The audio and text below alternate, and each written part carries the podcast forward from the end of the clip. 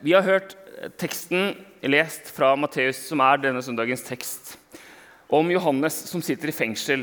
Og Kanskje Johannes tenkte denne tanken om her sitter jeg i fengsel. Hva skjedde nå? Eh, det var ikke sånn her det skulle være. Det var ikke sånn det skulle bli. Eh, jeg vet ikke om du kanskje har kjent det sånn noen ganger. Jeg kommer litt tilbake til det, men først skal vi ta en litt sånn dypdykk i teksten her og ta litt av bakgrunnen for denne hendelsen. Vi, teksten åpner som sagt, eller som hørt, med at i fengselet fikk Johannes høre om alt Kristus gjorde. Han sendte bud med disiplene sine og sa, 'Er du den som skal komme, eller skal vi vente en annen?' De to versene der inneholder så mye.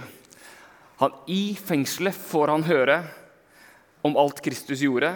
Han sendte bud med disiplene sine, altså Johannes sine disipler, til Jesus og sier, 'Er du han som skal komme, eller skal vi vente noe annet?' enn annen. Johannes er jo Jesu fetter, sønn av Elisabeth. Han har en liten rolle i juleevangeliet eller i historien om at Jesus, eh, eh, altså Maria mot, får vite at hun skal føde en sønn. og Hun går til å snakke med Elisabeth, som etter hvert føder Johannes. Og Så er dette her 30 år etterpå. Eh, Johannes var jo en profet, bodde i ørkenen, forkynte i ørkenen og andre steder. Han var en eh, skikkelig tøffing, sier tekstene. Eh, kanskje, han, kanskje han ville bli sett på som en bulldoser.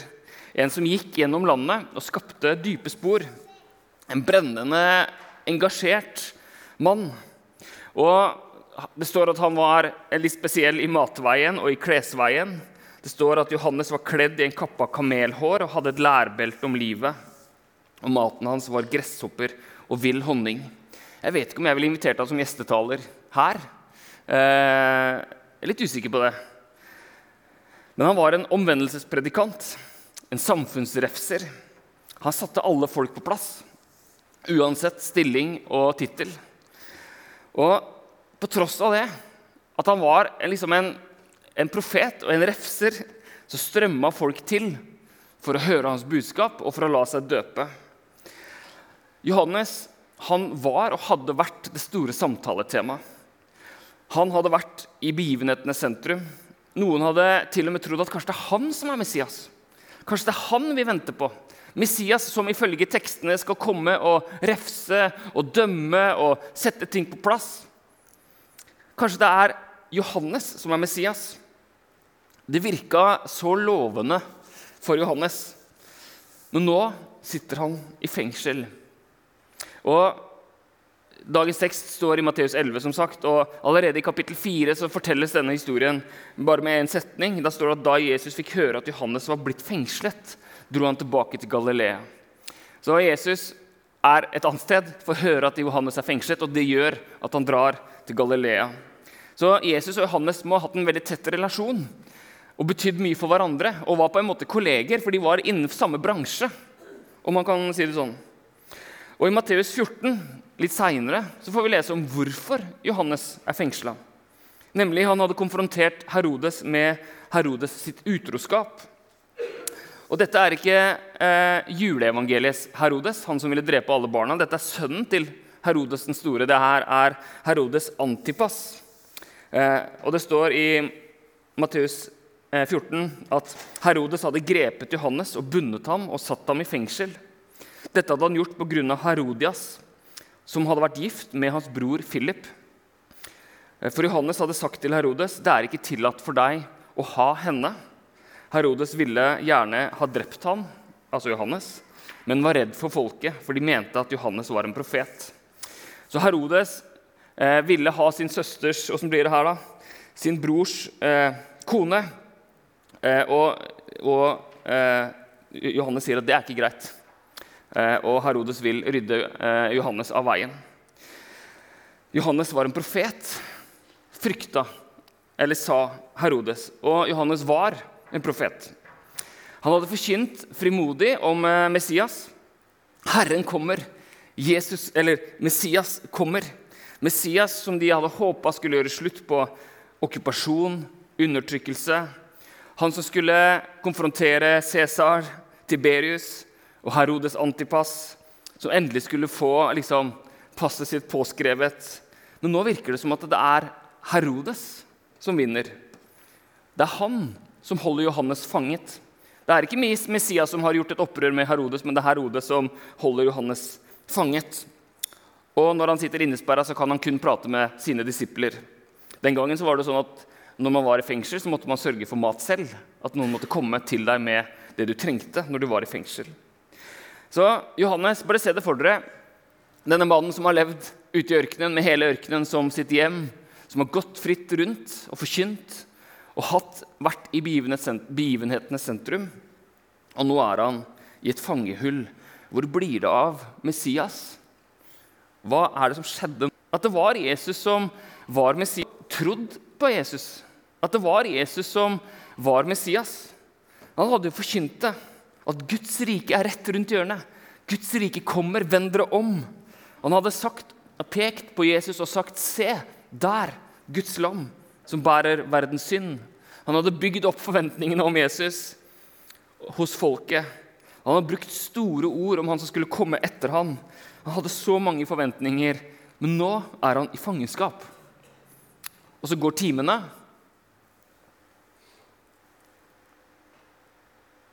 Og dagene. Og ukene. Og han tenker kanskje Tok jeg feil? Var det verdt det?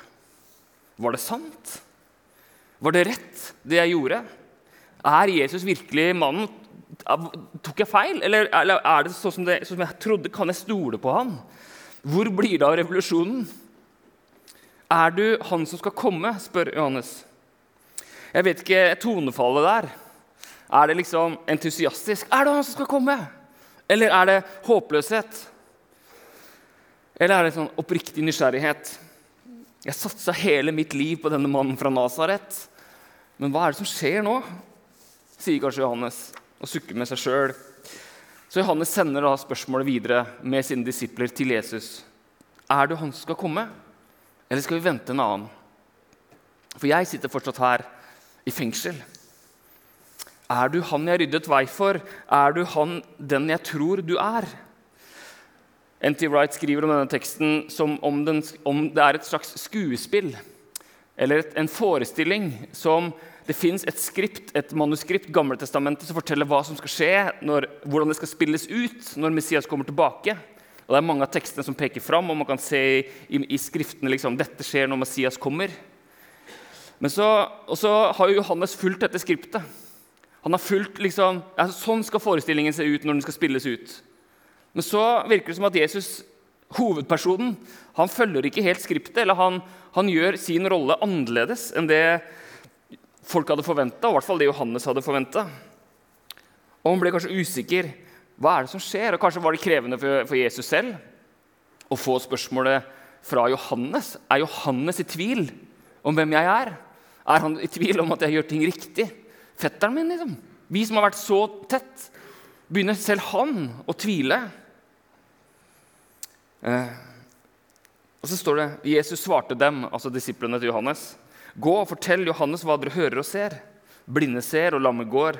Spedalske renses, og døve hører. Døve hører, døde står opp, og evangeliet forkynnes for fattige. Og salig er den som ikke vender seg bort fra meg. Og Jeg vet ikke helt hvordan eh, han reagerte på det svaret.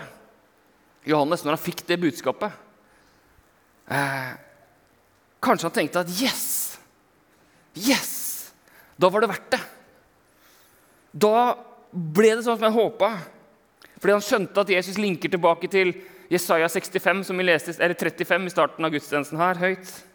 Eller han skjønner at ja, men det er noen koblinger til Messias-fortellingen her. så det er, ja, jeg skjønner hintet. Kanskje han blir entusiastisk. Yes! Det var det sånn som jeg hadde håpa. Eller kanskje han tenker det er jo veldig flott. Eh, for de folka der som erfarer det. Men jeg er jo fortsatt her, på dødscella. Og like etterpå så, så mister jo Johannes livet. Herodes kapper huet av han, eh, og han dør. Så han fikk jo ikke oppleve fangers frihet. Og kanskje Johannes tenkte, men står det ikke også noen fangers frihet i de tekstene som Jesus siterer? Hvorfor sier han ingenting om det? Han sier at blinde skal se og lamme skal gå. men hva med det med fangers frihet? Hvorfor sier ikke Jesus noe om det? Eh, og Kanskje var det et frampekke om at ja, men Johannes, det kommer ikke til å gjelde deg. Jesus kommer inn i dette skriptet, Messias-skriptet og spiller rollen annerledes. Eh, han, bringer ikke Guds rike på den måten som mange forventa. Mange så for seg at når Messias kommer, så skal han liksom bare sveipe over eh, Israel og refse og liksom dra til og nesten sånn konfrontere, eh, konfrontere på samme måte som Elia liksom konfronterte Baal-profetene og fikk det til å regne ild. altså, En dag snart skulle Jesus konfrontere Herodes, selveste Herodes. og Folket skulle bli fritt, og Jesus skulle sitte på tronen istedenfor Herodes. Men så er fortsatt Herodes, eller Jesus i fangenskap. Johannes i fangenskap. Var Jesus han de hadde ventet på? Han som trengtes for at forestillingen skulle bli sånn som de hadde sett for seg? Er Jesus Eller ja og nei. Jesus kommer. Han visste hvem han var. Han sier det ikke veldig eksplisitt eh, i den neste delen av teksten. Han bare sier implisitt at ja, men jeg er Messias. Han sier det ikke eksplisitt, for det var ikke noe poeng å ha to fettere i fengsel. på en måte. Men han sier det indirekte. Men det var som at Messias, sånn som Jesus spilte ut rollen og var Messias, han var liksom et steg lenger fram enn det Johannes så for seg. Johannes og mange med han tenkte at Messias kommer til å refse, dømme. Men Jesus helbreda og eh, møtte mennesker med nåde på en helt annen måte enn det de hadde sett for seg at Messias skulle gjøre. Han virka mer i tråd med sånn tekster fra Jesaja 35, som vi leste fra som, i stad, som sagt. Som handler ikke så mye om at Israel skulle bli dømt og fordømt, men som handler om at de skal bli gjenopprettet etter dommen, etter eh, refsingen. Da ville eksilet være over, og blinde og lamme ville bli helbreda, og Guds folk ville bli satt fri. Det virker som det er der Jesus opererer. Jesus er et steg lenger fram i fortellingen, og Johannes skjønner det kanskje når han får høre budskapet og ordene fra Jesus. Er du den som skal komme, eller skal vi vente en annen? Jeg ønsker å stoppe litt opp ved det spørsmålet. Er du den som skal komme, eller skal vi vente en annen? Hvis du nå kunne stilt Jesus et spørsmål Gud selv, liksom. Eh, hva ville du spurt? Hva lurer du på? Eller hva tenker du på? Eller hva er du bekymra for? Eller hva er det du ikke får til å henge sammen? Eller hva, liksom, hva ville du stilt spørsmålet til Jesus om? om eh, og hva er ditt presens? Johannes sitter i fengsel. Eh, det var hans presens, hans virkelighet, der og da. når han stiller dette spørsmålet. Hvordan ser ditt presens ut denne advent? Din hverdag? Eh, din eh, fritid? din familiesituasjon eller ikke-familiesituasjon, eller jobbsituasjon eller ikke-jobb, eller Hvordan ser det ut? Kanskje du kjenner på en sånn stor takknemlighet om dagen fordi du har fått se og erfare Guds synlige inngripen i livet. Blinde ser, lamme går. Og så bare Yes! Halleluja! Det er så lett for deg å synge lovsang fordi du bare Woohoo! Gud, ass! Guds rike er nær. Det er fantastisk. Kanskje du har det sånn? Noen har det jo sånn. og det er, det er bare å si halleluja. La oss glede oss med de som gleder seg. Men det kan også være at du kjenner deg igjen i det som Johannes, sånn som Johannes kanskje hadde det. En tanke som han muligens hadde, ser for meg, var at ja, men det var ikke sånn her det skulle bli. Det var ikke sånn her det skulle gå. Kanskje du hadde forventninger, men så ble det ikke slik som du trodde. Eller du hadde ressurser men så holdt det ikke. Eller du hadde planer og strategier, men så rakna det allikevel. Eller du hadde håp, men så slo det ikke til. Du hadde tro, men så virka det som om at Gud var stille. Det var ikke sånn her det skulle bli. Og Hvis du tenker det, og hvis det er dette, det som preger advent om dagen, eh, så og du får lyst til å liksom stille, ja, Hvis jeg skulle stilt spørsmål, ett spørsmål til Jesus, er liksom, ja, hvorfor er det sånn som det er? Eller hva skjer, Gud? Eh, så er du ikke aleine om å stille de spørsmålene. Altså, Som jeg har sagt mange ganger gjennom mange år her nå, Bibelen er full av mennesker som klager og stiller spørsmål til Gud.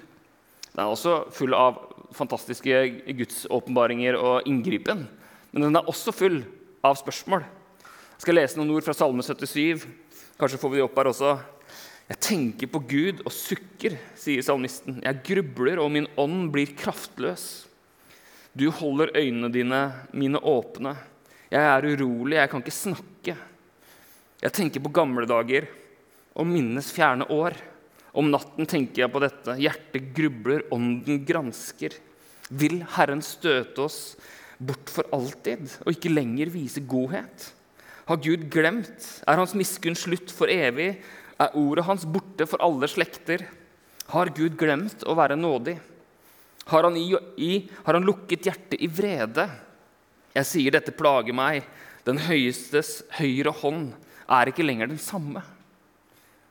Altså, Det er en sånn brutal ærlighet. Den høyestes høyre hånd er ikke lenger den samme. Altså, En gang så husker jeg at Gud greip inn i mitt liv, men akkurat nå er du helt borte, Gud. Har du helt glemt oss? Er du, er du vred?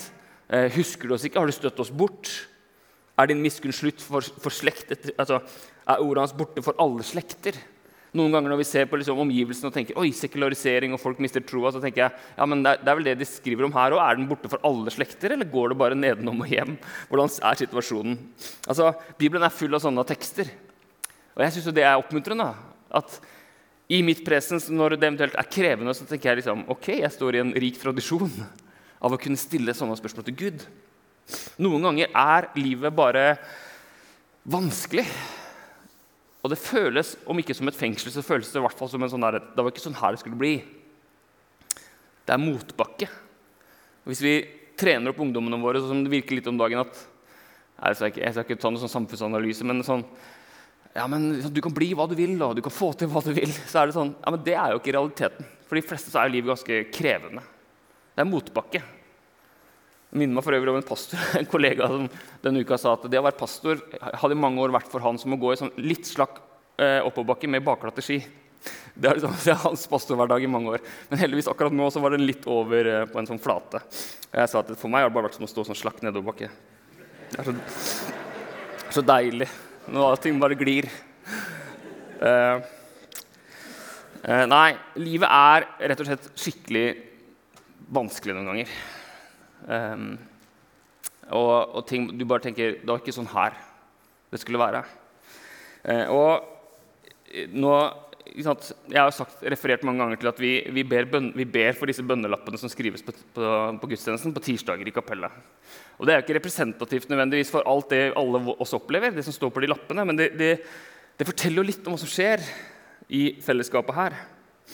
Og Jeg vil bare si noen konkrete ting nå som ikke bare er basert på bønnelappen, men noen ting jeg liksom hører. Eh, og det ene jeg vil si Hvis du har en sånn her, ah, det er ikke sånn her det skulle bli, det kan jo handle om økonomi. Eh, det hjelper ikke alltid å ha god lønn om det fortsatt er for lite. Eh, og Noen lapper handler om det. Altså, det, er, vanskelig om dagen. Eller du får ikke solgt den bilen du trenger å selge for å Eller hva det måtte være. Altså, og jeg tenker at Hvis du har det vanskelig økonomisk, så håper jeg du sier ifra til noen. Si det til en kompis eller en kamerat eller en venninne. Eller kom til oss og si vet du hva, det er så skikkelig vanskelig om dagen. Det kan være mye skam knytta til det, men det er viktig å snakke med noen. Og Historikken viser jo ofte at i økonomiske nedgangstider så er det mannfolka som tar det tøffest. Det betyr ikke at det ikke er krevende for kvinner òg, men du ser selvmordsstatistikken blant menn går opp proporsjonalt med at økonomien går ned. Ofte. Historisk, sett. Um, og under enhver som eventuelt tar livet sitt, så er det jo ekstremt mange som sliter. ikke sant? Så jeg vil bare si til deg at snakk med oss. Um, som sagt så hjelper det ikke å ha god lønn i en eller annen mening hvis det er for lite. Det føles i ikke sånn. Eller ha stort hus hvis du egentlig ikke, hvis du kjenner at du ikke har råd til å bo der. Eller hva det måtte være. Så kom og snakk med oss. og Det fins folk i kirka her som kanskje er 20-30 år eldre enn deg, som husker på tidligere tiders rentehevinger, og som vet noe om hvordan det er. Eh, og som kan si vet du hva, jeg kan hjelpe deg, eller vi kan, vi kan uh, stå sammen med deg. Så hvis du har en sånn ah, det var ikke sånn her det skulle bli eh, Hvorfor skulle det bli krig i Ukraina og strømpriser og rentehevinger og alt mulig? Det var ikke sånn det skulle bli. Så tenker jeg du er ikke aleine om det. Eh, men kom og, eller snakk med noen om det. Og snakk med oss, eller ja, ta kontakt hvis, vi stiller deg. Eh, og En annen ting jeg ville nevne, var altså Det gir alltid inntrykk å lese bønnelapper fra tweens. Og ungdommer som er en del av natteverdenen, og så kommer fram og noen skriver bønnelapper. Eh, og det er jo virkelig om stort og smått. Jeg skal ikke liksom sitere ordrett fra noen bønnelapper nå. Men noen ganger så er det jo virkelig, virkelig stort. Altså Og liksom Og da tenker jeg Og når jeg ber de bønnene, så tenker jeg kjære Gud. Ja, kjære Gud, den bønnen her må du svare på. Men hva hvis Gud ikke gjør det? Eh, og det jeg får lyst til å si noe om, er at eh, vi trenger å snakke med barna våre, ungdommene våre, tvinsene våre om bønn. Og det gjør vi jo. Vi gjør det her nede i barnekirka. Vi gjør det på Tvinskveldene i ungdomsarbeidet, og vi gjør det sikkert, har gjort det mye på sengekanten. Men vi må snakke med barna våre om bønn. Må, jeg tenker at Vi må snakke med barna våre om bønn som at ja, noen ganger at du kan komme til Gud med alt i full tillit. At Gud er en god far som bryr seg, og vi kan be om alt mulig. Men noen ganger så skjer det ingenting. På Twins-leiren tidligere i høst så var det et spørsmål som ble referert bare når foreldrene henta, som handla om noe om hvorfor får vi ikke bønnesvar.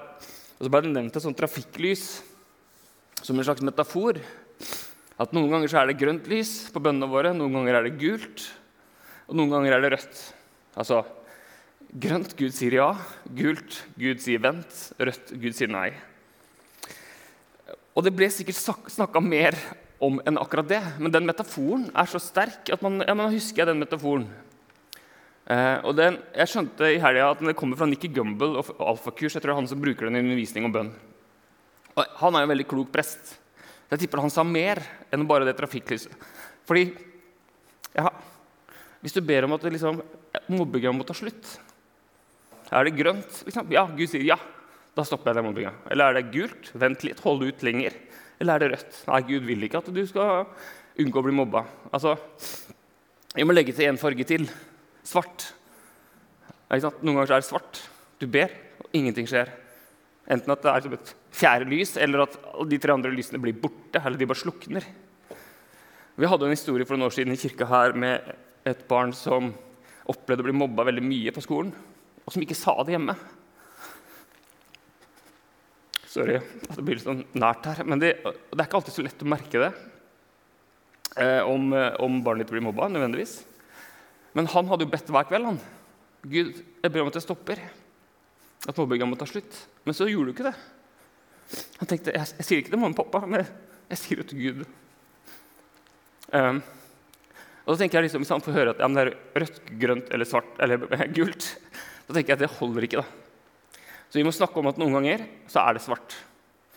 Um, jeg var med på en sånn podkast her om dagen, eller i vår. Den kom ut nå nylig, 'Pastoren og journalisten', som handler om at 70% av barn og unge som vokser opp i kirka, er, blir ikke kirkeaktive når de er voksne. Og så var det sånn, hvorfor, hvorfor, er det sånn? Og så skulle jeg snakke om det. Og min hypotese er jo at en del av de rett og slett bare slutter å tro. Og da er det jo naturlig at man slutter i kirka. eller da er det ikke noe poeng å gå i kirka. Man slutter å tro. Og Det handler nødvendigvis ikke om at mamma og pappa ikke snakka nok om Jesus ved middagsbordet, eller ba nok kveldsbønner, eller ikke liksom kjørte nok ganger til twins-opplegget, eller liksom ikke fikk til trosopplæringa hjemme. Noen ganger så må vi bare legge ansvaret på Gud. Altså, Gud, du svarte ikke på de bønnene. Og så kan vi som foreldre liksom, ok, det er alt, det er ikke bare opp til meg at Hvis jeg liksom følger dette skjemaet i indoktrinering, så blir ungene mine kristne. Noen ganger så, så ber ungene gjøre alt rett, og så svarer jo ikke Gud. Og da er det vanskelig å tro. Men det handler selvfølgelig også om hva er det vi formidler av type teologi og sunn teologi som gjør at når det er svart, så mister ikke tilliten til at det kan komme til Gud med alle ting allikevel. Hvis du sitter i fengsel, som Johannes gjør, og liksom bare ok, det her var ikke det jeg hadde håpet på. Eller du er barn og du bare merker at skole er jo skikkelig vanskelig, hvor er alle vennene? Det var ikke sånn her det skulle bli. Ja, men da, sant? Be etter Gud, still spørsmål, sånn som Johannes gjorde til Jesus. Er du den som skal komme, eller er du ikke det? Altså, Kom med det, liksom. Men eh, i en sånn dyp tillit at Gud kan jo gripe inn og fikse den mobbesituasjonen, eller at mamma og pappa slutter å krangle, eller hva det måtte være. Det er? Sånne type lapper. Er det gult, grønt eller eh, rødt? Nei, det er svart noen ganger. Eh, og ikke bare skriv en bønnelapp, men snakk med noen om det. tenker jeg vi må snakke med barna våre om. Ok, og Så vil jeg snakke om en ting til til slutt, som, eller mot slutt. Som noe for noen skaper en opplevelse av uro og usikkerhet. og Det handler om å leve sammen. Og For dere som er nye her, så er det den, denne samtalen vi har om hvordan vi som kirke skal ta imot kristne homofile. Og det er ikke bare noen de der ute, men det er jo oss. Hvordan skal vi være sammen? Og nå skal jeg ikke argumentere for det ene eller andre her. Jeg skal ikke bruke talerstolen til det. Selv om jeg vet at alt jeg sier, tolkes inn i alle mulige slags situasjoner. Jeg hørte i forrige gang jeg talte, ja, jeg skjønte at du refererte til det. Og så tenkte jeg, nei, det gjorde jeg ikke i det hele tatt, men jeg skjønner at du trodde at jeg mente det. Men jeg snakke, hvis jeg skal si noe om den situasjonen, og det temaet, så skal jeg si at nå sier jeg noe om det. Og så må dere bare stole på meg på en måte at jeg tenker på andre ting også. Iallfall en gang iblant. eh, men jeg, jeg, sier det nå fordi at vi må erkjenne at for noen så er dette en sånn der, ah, det var ikke sånn her det skulle bli. Eh, jeg gikk jo her fordi jeg var så sikker på at det var sånn, eller det var sånn, og så begynner du å snakke om dette, så blir jeg usikker og redd og kjenner på frykt. Og så snakker jeg med flere av dere, så vet jeg at det er jo ofte helt ulike ting. ikke sant? Og så er det, men, men, men, frykten, uroen, usikkerheten er jo der. Er felles på et vis, men for, for ulike, ulike, utfall eller ulike deler av samtalen. Eh, og så fikk jeg en mail denne uka. Vi får jo noen mailer innimellom fra, fra dere. Veldig bra, takk for det.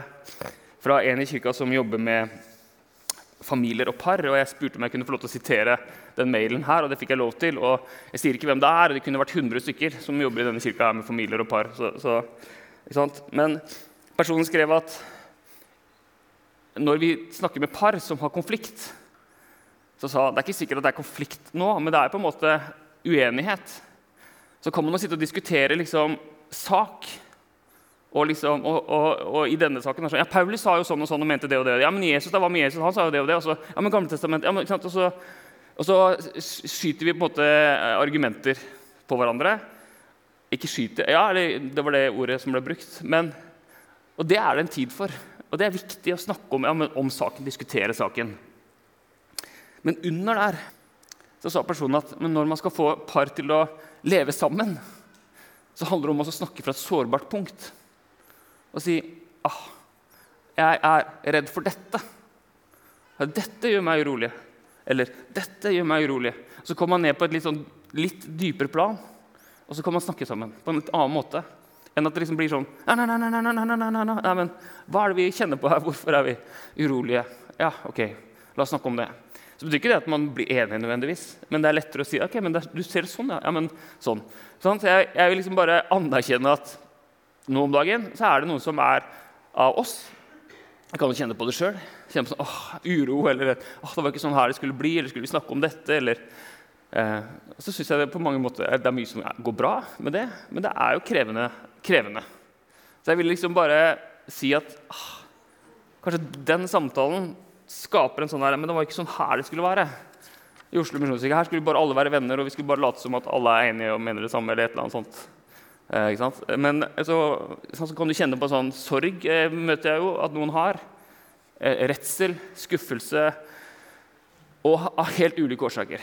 Men la oss i det, i den samtalen også øve oss på å snakke fra et litt sånn Dette her er jeg urolig for. Dette bekymrer meg. Eh, fra et sårbart punkt. Eh, for da er det kanskje mulig å snakke sammen på en annen måte enn hvis bare liksom ja, men hva med det argumentet, hva med det, og men står det ikke der, sier ikke den, og sånn og sånn. Ok. Eh, vi går mot slutten. Det var ikke sånn her det skulle bli. Tenkte kanskje Johannes der han satt i fengsel. Livet er noen ganger vanskelig, uforståelig. Livet er fantastisk og rikt. Men noen ganger, er det alt, og noen ganger er det mange ting på en gang. Å, fantastisk med sant, gode ting, og så neste øyeblikk er sånn Shit, hva skal jeg gjøre med det? Sant, det er alt samtidig. Men det er en viktig følelse og en erfaring å ta med seg i advent. Denne ventetiden, denne fastetiden, hvor vi venter på at Jesus skal komme. Som på latin denne perioden som kalles adventus domini, domini Herrens komme. Herre, kom. Det er en bønn. Jesus, du som er den Johannes venta på. Og det han venta på, at Gud skulle gripe inn i hans liv og hans situasjon, i folkets liv og nasjonens liv. Gud kom. Og det er det vi venter på, vi òg. I våre individuelle liv og historier. Kjære Gud, kom inn i denne situasjonen, midt inn i det som ikke ble som det skulle bli, midt inn i alt av hverdag, inn i vårt fellesskap. Kjære Gud, kom, gjør din vilje. Herre, kom inn i våre liv. Adventus Domini. Og kanskje du kan, Når vi nå snart skal høre litt musikk før vi feirer nattverd, så kanskje du kan tenke og be Kjære Gud, hva er, jeg, hva er det jeg trenger at du kommer for nå? Nå kommer du igjen. Snart er det jul. Jesus kommer. Håpet, lyset, frelseren. Hva er det du trenger at han kommer for? Og Så kan du si det til Gud. Eller stille et spørsmål. Er du den som skal komme, eller er du ikke det? Eller hva det måtte være. Så nå hører vi litt musikk, og så bruker vi litt tid hver for oss til å be, tenke, reflektere. Og så feirer vi nattverd sammen etterpå.